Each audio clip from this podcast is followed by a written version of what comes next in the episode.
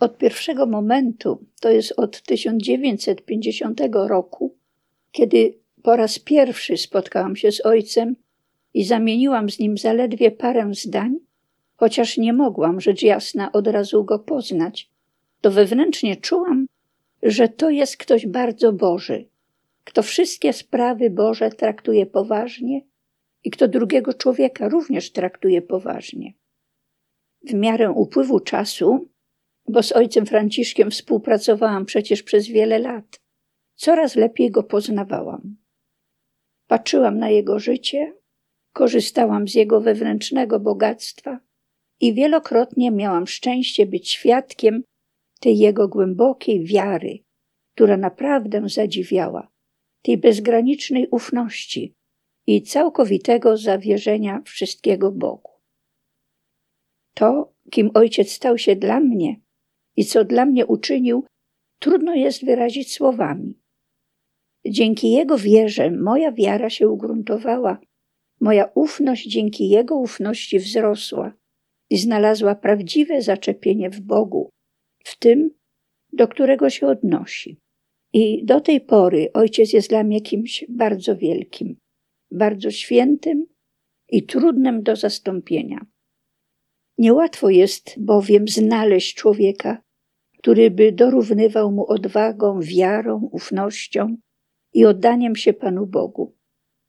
Nieustannie czerpię z tego wszystkiego, co widziałam i słyszałam. To bardzo mi pomaga i wydaje się, że będzie mi pomagać do końca życia. Mam takie wrażenie, że stoję na skale, na twardym gruncie, że mam dobre podwaliny i to zawdzięczam właśnie Ojcu. Naturalnie to łaska Boża działała we mnie, ale Ojciec był narzędziem tej łaski. W różnych momentach mojego życia przypominają mi się rzeczy, o których Ojciec mówił, których nauczał i według których żył. I za to jestem mu bardzo wdzięczna. Myślę, że to nie jest tylko moje doświadczenie, ale na pewno wiele osób mogłoby powiedzieć to samo. Kiedy opuściłyśmy nasze rodzinne domy, aby całkowicie oddać się na służbę Bogu i zaczęłyśmy pracować z ojcem, najmłodsza z nas miała 17 lat, a najstarsza 22. I w tym również widać wiarę i odwagę ojca, bo przecież prawie z dziećmi przystąpił do realizacji dzieła, które wkrótce rozrosło się nie tylko na całą Polskę, ale i poza jej granice. Do historii opowiedzianej już przeze mnie w tej książce chcę dodać jeszcze nieco treści, która pomoże uzupełnić obraz ojca Franciszka. I tak na pewno nie będzie on kompletny, bo trudno jest w pełni oddać to, kim ojciec był. A w tej swojej inności i wielkości był jak najbardziej normalnym człowiekiem. Kochał wszystko to, co dobre i piękne. Uważał, że każdy człowiek powinien dążyć zawsze do dobra i do piękna. Od dzieciństwa cechowała go wrażliwość na piękno. Zachwycał się tym wszystkim, co Pan Bóg stworzył. Już jako małe dziecko podziwiał rośliny i zwierzęta. Często wykradał się z domu i w ogrodzie wspinał się na jakieś drzewo albo ukrywał się w krzakach, żeby podpatrywać ptaki i słuchać ich śpiewu, żeby zachwycać się kwiatami. Jego siostra opowiadała, że kiedy jako dzieci bawili się biegając po łąkach, to zawsze, gdy zobaczył kwiaty, wołał: Nie deptaj kwiatów, nie deptaj kwiatów, uważaj, tu są kwiatki. To były zwykłe polne kwiatki, a on troszczył się o to, żeby ich nie podeptać. Ojciec bardzo lubił wycieczki. Nie mógł się nadziwić, że ktoś może nie chcieć chodzić w góry, nie chcieć wyruszać na wycieczki, oglądać, podziwiać, zdobywać, zwłaszcza gdy dotyczyło to młodych osób. A myśmy właśnie były młode. Nas również często musiał wypędzać w góry, bo i nam się nie zawsze chciało iść. Wydawało nam się, że lepiej odpoczniemy, jak się położymy lub posiedzimy. A ojciec tego nie mógł pojąć, bo uważał, że odpoczynkiem jest zmiana zajęcia. To jest prawdziwy odpoczynek. Uważał, że jeśli jesteśmy zmęczone, to trzeba wyruszyć w góry, żeby poruszyć to, co jest w człowieku zmęczone, dać mu taki impuls innego rodzaju. Czasem, jak w piękny dzień był akurat w Krościńku, sam planował wyjście i po prostu mówił: Dzisiaj pójdziemy na wycieczkę. Zawsze wtedy był przewodnikiem. Jeszcze z czasów harcerstwa wykazywał doskonałą orientację w terenie, jakby miał w sobie kompas. Rozglądał się po drzewach, po ich wyglądzie, po terenie i wiedział, jak ustalić, gdzie jest północ i inne kierunki świata. Bardzo dobrze się z nim chodziło, bo wiedziało się, że ojciec zawsze znajdzie drogę do domu, nawet kiedy nie ma szlaków. Pamiętam, jak kiedyś nas w zimie zmusił, żebyśmy poszły w góry. Nie chciałyśmy. Był to styczeń, ostra zima, dużo śniegu, ale tego dnia świeciło piękne słońce, więc powiedział: Wszyscy na wycieczkę. Myśmy nie chciały iść, ale w końcu poszłyśmy na trzy korony. W jedną stronę szło się bardzo dobrze, ale gdyśmy wracały, zaszło już słońce i wszystko zaczęło zamarzać. Nie mogłyśmy zejść z góry, bo droga zamieniała się w lodowisko i musiałyśmy zjeżdżać na czterech literach. Ale ojciec uważał, że to jest normalne, że to są przygody, które może przeżyć każdy człowiek, a zwłaszcza młode osoby, które nie powinny się zarażać takimi rzeczami. Dla niego wszystkie takie zdarzenia nie były udręczeniem, ale powodem do radości. Kiedy razem z nim chodziłyśmy na wycieczki, zależało mu na tym, żebyśmy szli nie tylko po to, żeby iść, ale żebyśmy idąc zachwycali się tym wszystkim, co Pan Bóg stworzył. Co chwilę do nas mówił: Popatrz, popatrz, widziałaś już taki kwiatek? Zobacz, jaki on piękny. Albo słyszysz? Posłuchaj tylko, jak pięknie śpiewa ten ptak. Zobacz, tam usiadł taki mały. Widziałaś już takiego ptaka? Albo spoglądając na chmury.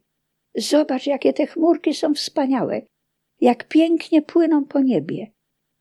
Na wszystko zwracał uwagę i wszystko go interesowało. Mówił: Nie chodzi o to, żebyśmy się tylko zmęczyli, ale żebyśmy dostrzegłszy piękno przyrody, chwalili jej stwórcę. Piękno było dla ojca ważne nie tylko w przyrodzie, ale zwracał na nie uwagę i w życiu codziennym.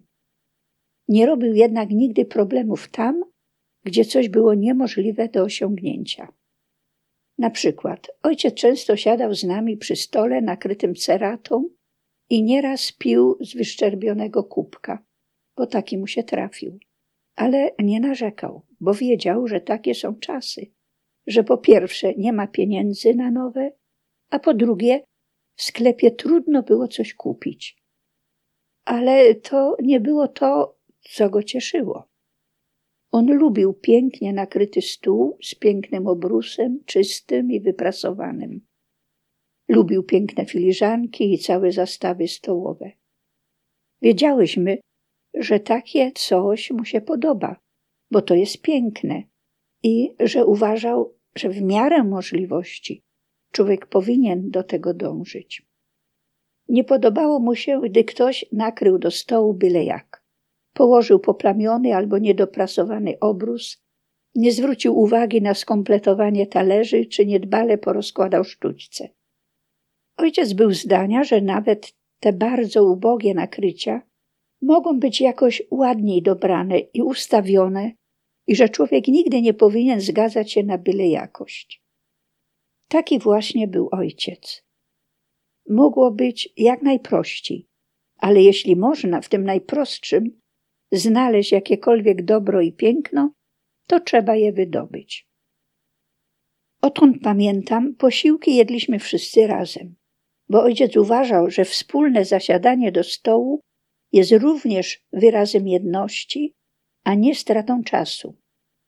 Nie było to w ogóle do pomyślenia, żeby każdy przygotowywał sobie coś sam i jadł w swoim kącie. Również przy stole uczyłyśmy się od niego bardzo dużo. Zawsze podczas posiłków prowadził z nami rozmowy, ale takie kulturalne.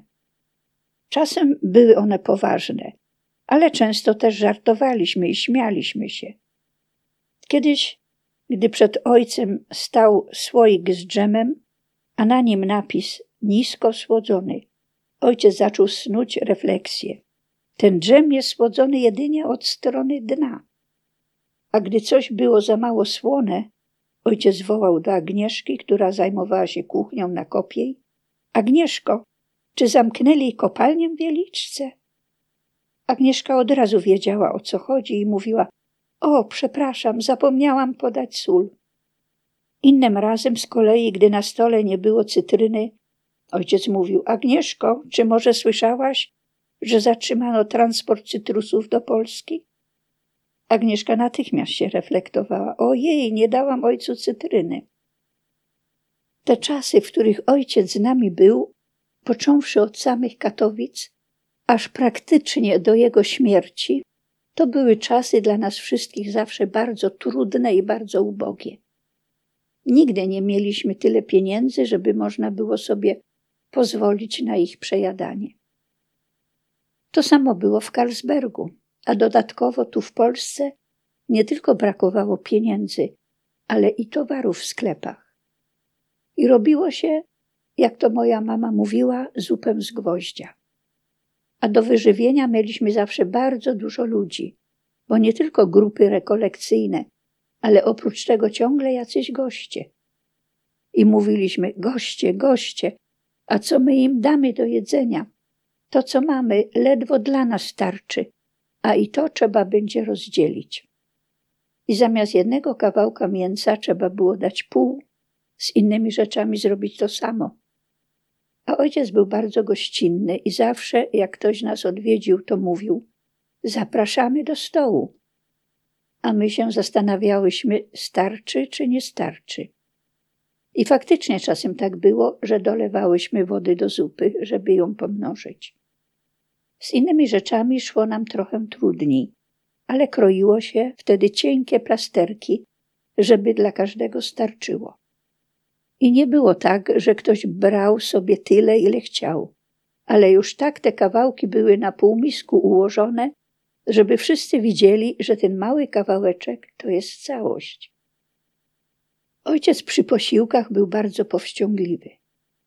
Miał swoje ulubione potrawy, ale na stole pojawiały się one wtedy rzadko. Były to na przykład dobra grzana kiełbasa, jajecznica z grzybkami, gotowany kalafior z tartą bułką polany masełkiem, gotowana marchewka z masłem, fasolka szparagowa, zupa jarzynowa, grzybowa i tym podobne. Nie lubił natomiast buraczków i śledzi. Gdy czasem śledzie pojawiły się na stole, to zasiadając do posiłku żartował. Ja śledztwa nie lubię, bo śledztw w swoim życiu przeżył wiele. Ojciec za to chętnie pił prawdziwą kawę, o którą w latach 70. i 80. było bardzo trudno. Gdy na kopią od czasu do czasu przyszła jakaś paczka z zagranicy, w której była kawa, zostawialiśmy ją wtedy dla ojca, bo pomagała mu ona w pracy. Pił ją na przykład w czasie jakiejś konferencji albo spotkania z oazowiczami. A żeby mu nie było niezręcznie, że sam ją pije, a nie może wszystkich poczęstować, zadawał zagadkę. Co to jest kawa? Gdy studenci próbowali znaleźć odpowiedź, ojciec sam im podpowiadał. Kawa to jest taki napój, który oaza pije ustami moderatora. Wywoływało to dużo śmiechu i radości, a ojciec już bez skrępowania mógł ją dalej pić.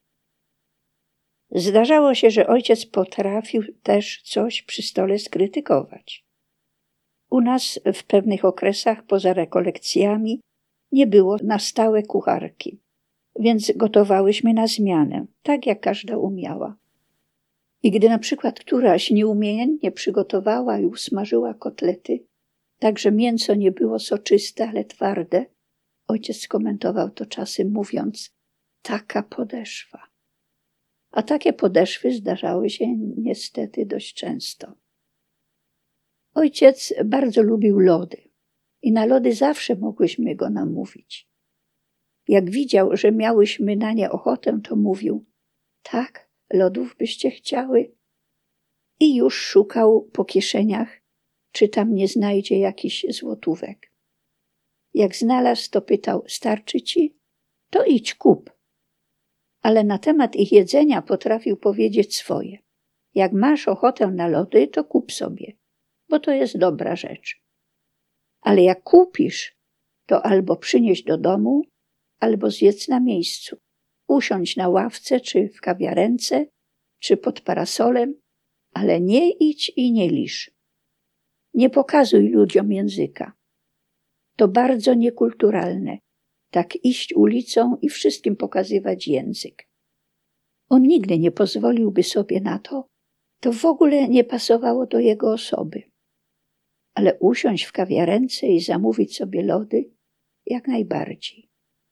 Na rynku w Krościenku była taka kawiarenka, w której lody były ładnie ozdabiane i podawane.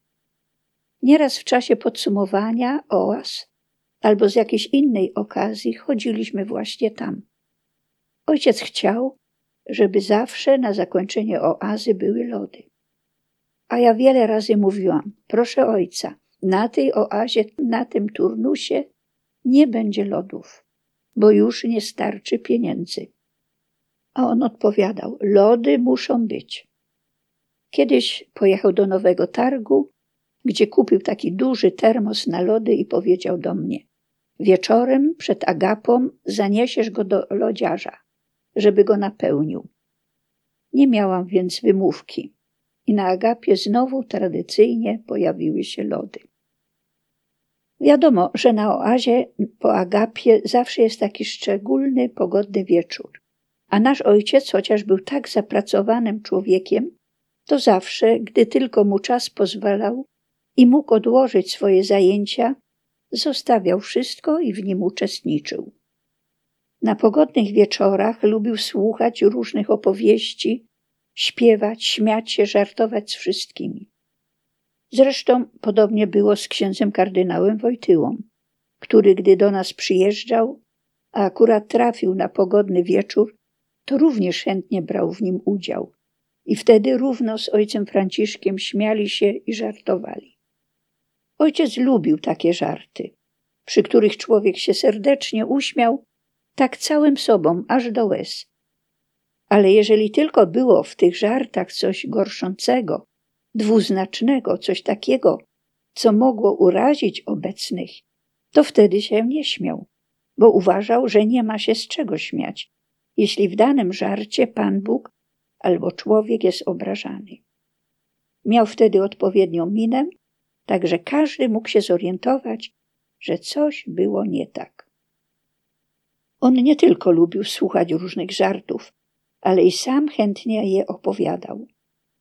A muszę przyznać, że umiał to robić.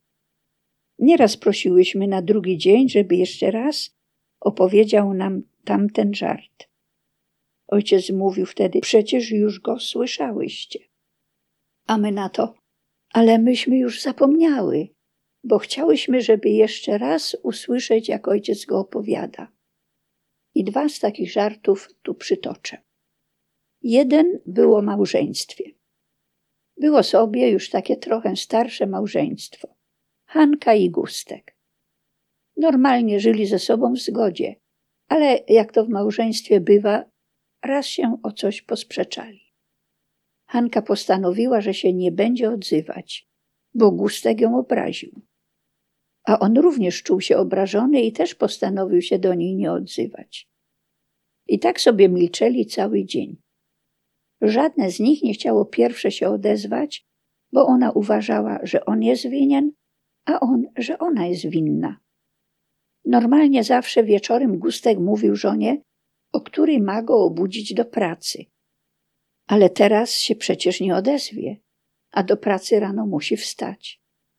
I zastanawia się, co tu zrobić. No i wymyślił. Napisał kartkę. Hanka, obudź mnie o piątej. I położył jej przy łóżku.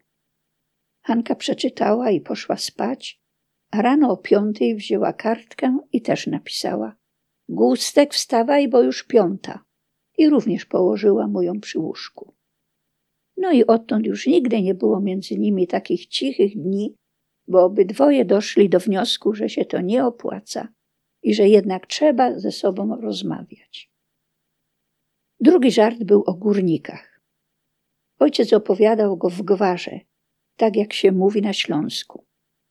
Francik i Kazik robili na grubie, pracowali na kopalni. Szychta, dniówka, się skończyła i Kazik miał łopatę, ale nie chciało mu się jej zabrać na górę do windy. Miał kredę, więc napisał na łopacie. Francik, weź ta łopata, bo ją zapomniał.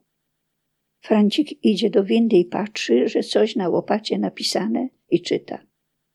No więc ją odwrócił na drugą stronę, wziął kredę i napisał. Kazik, ja bych ci ją wziął, ale żech ją nie widział. Ojciec często żartował, a nawet wiele rzeczy obracał w żart zamiast się obrażać. Tym sposobem rozładowywał niezręczne sytuacje. Chociaż konferencje ojca były zawsze bardzo głębokie i mądre, to według niektórych mówił dość monotonnie i długo. Kiedyś rzeczywiście ojciec przedłużył homilię do blisko pięćdziesięciu minut. I ktoś mu wtedy powiedział: Ojcze, cały plan mamy pokiereszowany, a ludzie nie wytrzymują, a ojciec tak długo mówi. A on na to: Czy musicie mi ciągle powtarzać to, co sam wiem? Wszyscy odpowiedzieli salwą śmiechu i dzień mimo pokiereszowania był udany. Albo innym razem, gdy ktoś z ojca kolegów zapytał go, co ty tak szybko łysiejesz? Ojciec odpowiedział, cóż po głupich włosach na mądrej głowie, a im zwierz dzikszy, tym kudłatszy. Kiedyś znów ojciec opowiadał, jak to na pewnej uczelni jeden z profesorów zaczynał swój wykład. Jak widać, to nie widać. A dlaczego nie widać, to państwo zobaczycie.